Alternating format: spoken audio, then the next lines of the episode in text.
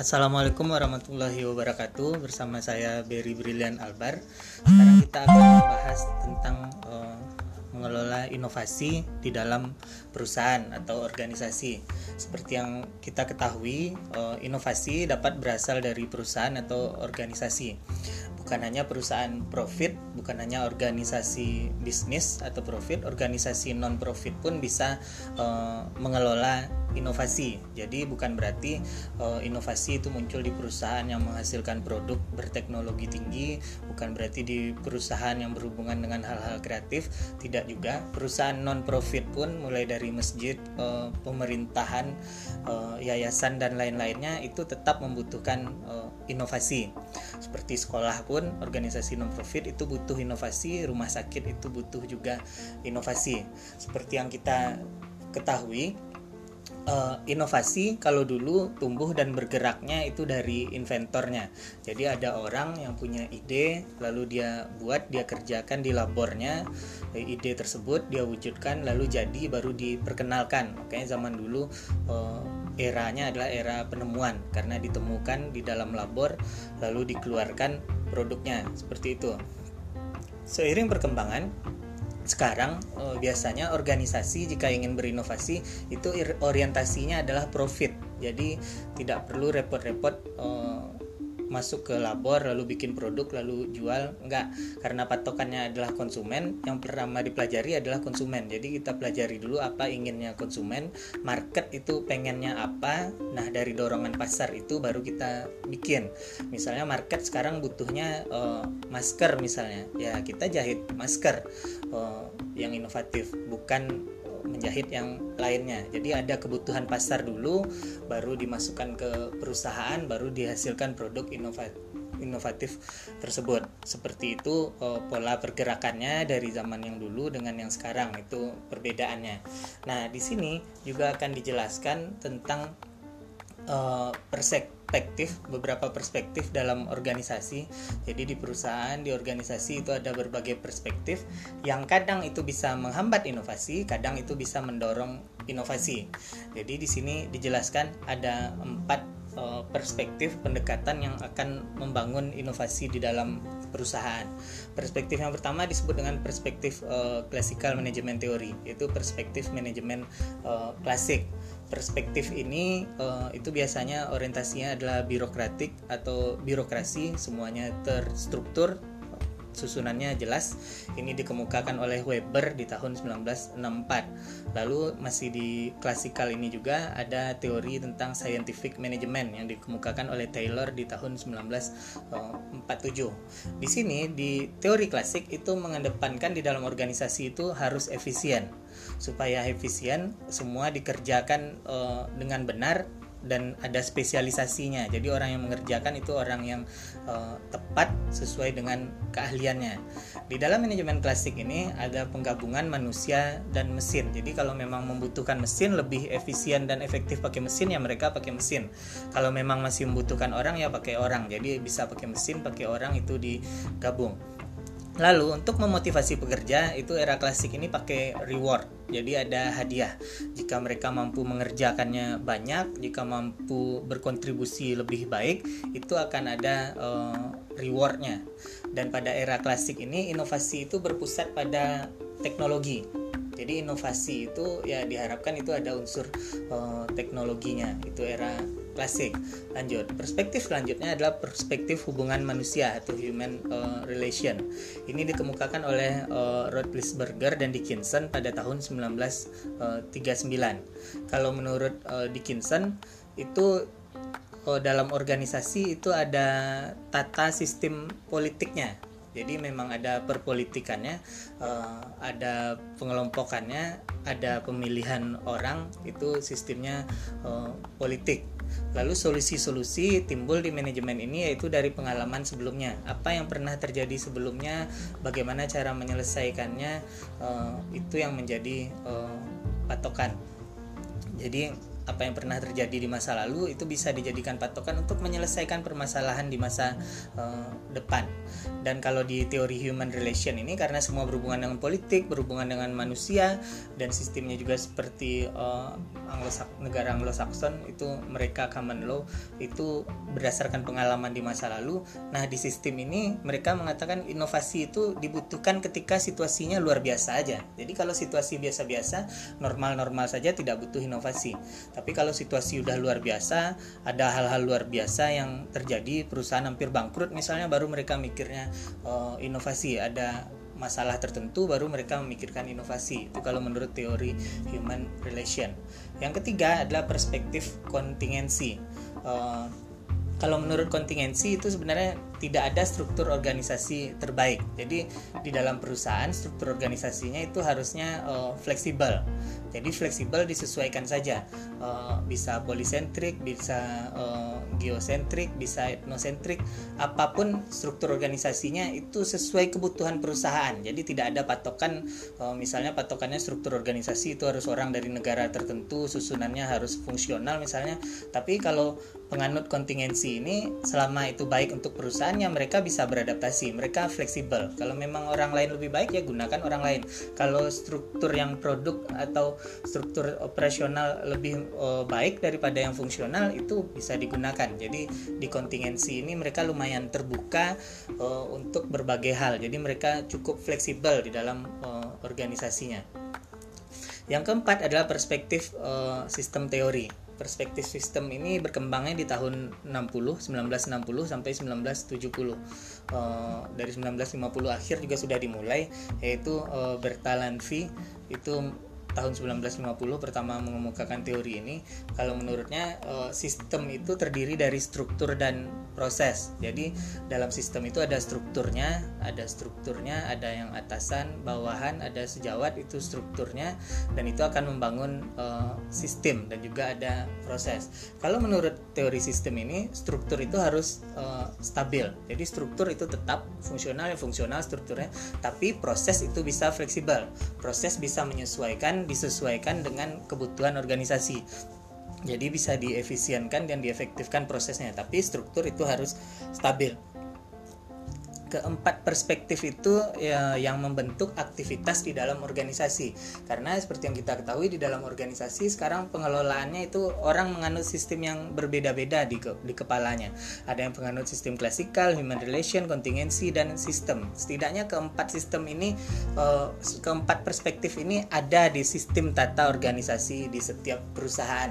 Dan seperti yang sudah dijelaskan masing-masing perspektif ini ada plus minusnya. Karena ada yang kaku ada yang fleksibel fleksibel, ada yang uh, otoriter, ada yang uh, adaptatif seperti itu. Jadi hal ini akan terjadi benturan di dalam uh, organisasi.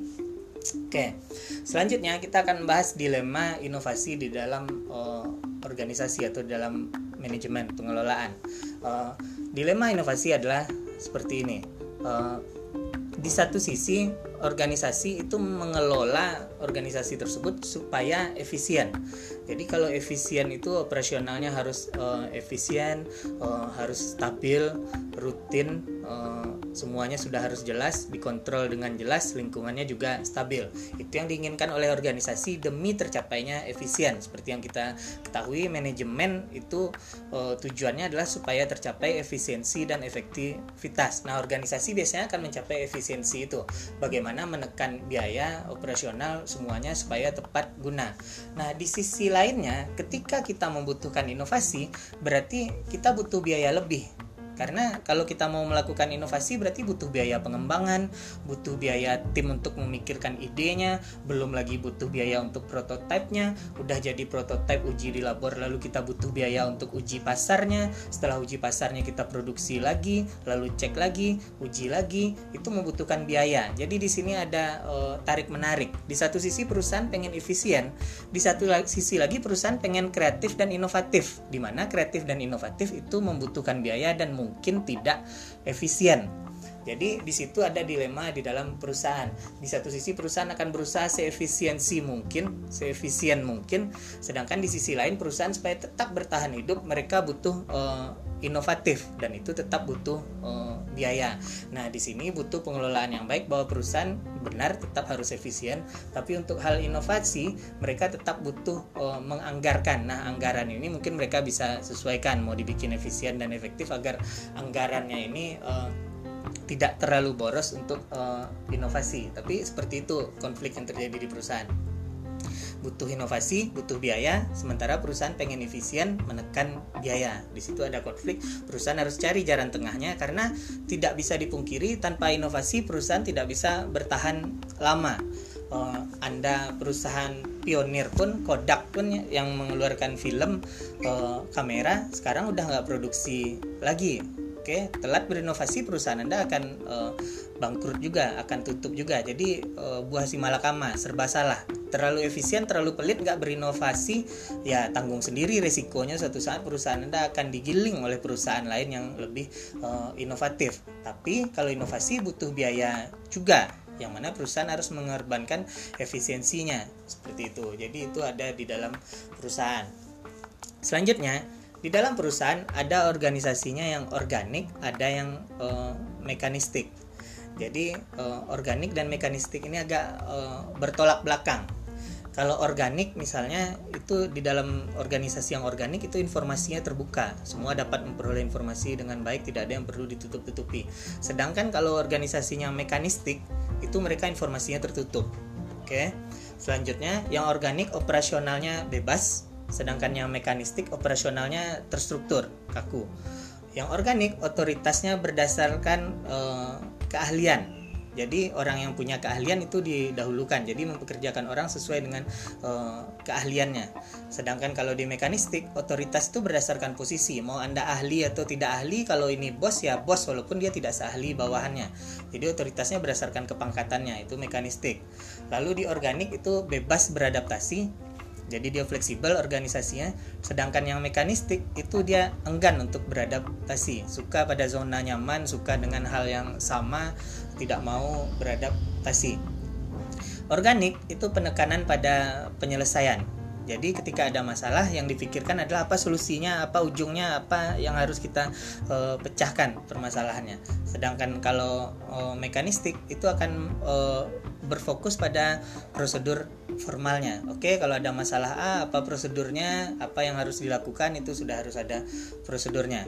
Lalu kalau di organik pengawasan formalnya agak longgar, sedangkan mekanistik itu pengawasan formalnya uh, ketat lalu di organik partisipasinya eh, kesepakatan jadi setiap peserta dalam organisasinya boleh berpartisipasi, boleh disepakati sampai di mana batasannya. Sedangkan kalau di mekanistik, partisipasinya itu superior terpusat. Jadi lebih tinggi jabatan Anda, Anda akan lebih superior dibandingkan bawahan Anda dan itu terpusat.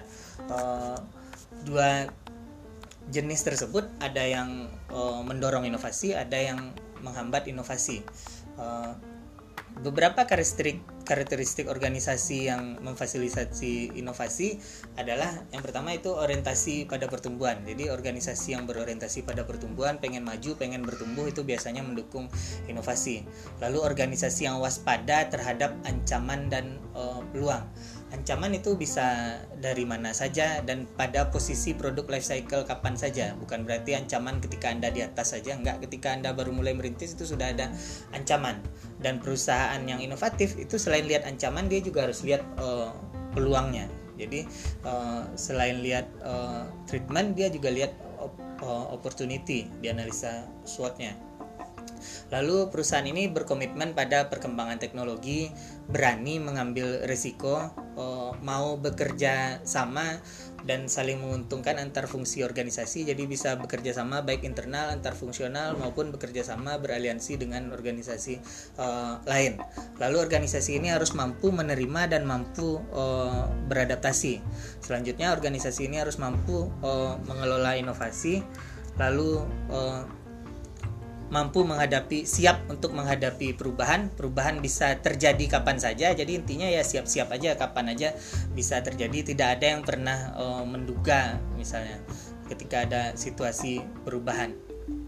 Uh, kombinasi spesialisasi dan keragaman skill dan pengetahuan. Jadi ada orang berskill, ada punya spesialisasi, ada punya pengetahuan di organisasi uh, tersebut. Jadi seperti itu organisasi yang memiliki karakteristik atau untuk menghadapi inovasi. Jadi ini karakteristik-karakteristik organisasi yang bisa uh, menghadapi atau menjalani proses inovasi. Seperti itu. Oke. Selanjutnya kita akan bahas tentang individu-individu, peran-peran individu di dalam uh, proses inovasi. Jadi di dalam organisasi atau di dalam perusahaan kita ada berbagai tipe orang uh, yang pertama jelaskan di sini adalah technical innovator. Technical innovator atau biasa juga disebut dengan mad scientist atau orang gila science. Ini biasanya ahli dalam hal teknis. Biasanya orang yang di labor dia temukan obatnya, dia temukan peralatan itu di labor. Itu technical innovator. Jadi inovator yang ngerti hal-hal teknis. Jadi dia fokusnya di hal teknis nih. Jadi dia pahamnya bagaimana cara bikinnya, bagaimana cara buatnya, itu dia tahu secara teknis. Lalu ada jenis orang adalah komersial uh, scanner. Nah, seperti yang dijelaskan bahwa inovasi sekarang itu harus berorientasi kepada pasar, jadi dibutuhkan komersial scanner, yaitu orang yang mengumpulkan uh, informasi dari luar. Informasi dari luar yang paling penting adalah apa yang paling dibutuhkan oleh market apa yang paling dibutuhkan oleh konsumen yang ada di luar. Nah komersial scanner ini men-scan ini. Dia scan info dari luar dia dapatkan informasi dari luar dengan berbagai cara dengan uh, risetnya observasi dan lain-lain dia dapatkan informasi dari luar. Setelah informasi didapat dari luar selanjutnya kerja orang gatekeeper orang yang menjalankan fungsi gatekeeper ini dia saring informasi lalu disampaikan ke internal. Menyaring informasi itu sangat penting karena informasi dari luar itu banyak. Ada yang benar, ada yang salah, ada yang fakta, ada yang hoax. Jadi dibutuhkan gatekeeper atau tukang jaga gerbang supaya tidak semua informasi masuk ke perusahaan. Nah, informasi yang buruk masuk ke perusahaan ya buruk juga bagi bisnis perusahaan tersebut. Jadi dia harus nyaring mana informasi yang benar, mana yang sesuai, mana yang cocok untuk perusahaan, mana yang harus dilanjutkan untuk ke dalam. Jadi informasi yang masuk ke dalam itu udah tersaring dan tidak semua informasi masuk ke dalam. Itu kerjaannya orang gatekeeper. Dia akan sortir informasinya. Oke, selanjutnya di dalam organisasi ada produk champion. Produk champion yaitu orang yang jadi sumber ide. Ini orang yang paling kreatif nih, karena ide itu muncul dari dia. Bisa dibentuk dalam bentuk tim kreatif atau bisa jadi personil-personil yang memang uh, kreatif. Nama tipe orang ini disebut dengan produk champion. Dia sumber ide, uh, dia yang menelurkan semua yang ada di pikirannya, apa yang harus dilakukan, inovasi apa yang harus kita buat itu sumber idenya dari si produk champion ini. Dia cuma mengemukakan sebatas ide. Jadi itu masih uh, kreatif dia. Selanjutnya, di dalam organisasi ada project leader. Ini adalah pemimpin proyeknya. Jadi namanya pemimpin yang dibutuhkan adalah jiwa kepemimpinannya. Mungkin dia tidak bisa memahami hal teknis, mungkin dia tidak punya ide sebagus si produk champion, tapi setidaknya dia bisa memotivasi timnya, dia bisa mengelola timnya, bisa memimpin timnya sehingga bisa menggerakkan seisi tim itu. Jadi pemimpin ini uh, penting. Fungsinya adalah memimpin dan memotivasi tim. Selanjutnya dia harus bikin planning merencanakan dan uh, mengorganize timnya dengan baik. Itu kerjaan dari si project leader atau si pimpinan tadi. Yang terakhir perannya adalah sponsor Sponsor ini adalah penyedia akses, bisa jadi penyedia akses keuangannya, penyedia sumber bahan baku, penyedia peralatan itu sponsor. Ini bisa jadi pihak internal, bisa jadi pihak eksternal yang mau bekerja sama atau membantu perusahaan untuk mewujudkan uh, inovasi. Itu uh, individu-individu kunci di dalam proses uh, inovasi. Semuanya bisa diwakili orang atau kelompok atau divisi atau organisasi yang tujuannya sama semuanya dari ide Eh, dari informasi disaring, informasi disaring lalu munculkan ide, dari ide dikerjakan secara teknis, dari secara teknis itu butuh sponsor dan semuanya dipimpin oleh si project leader. Seperti itu organisasi uh, bekerja di dalam melaksanakan dan mengelola inovasi. Terima kasih, semoga menjadi ilmu yang bermanfaat.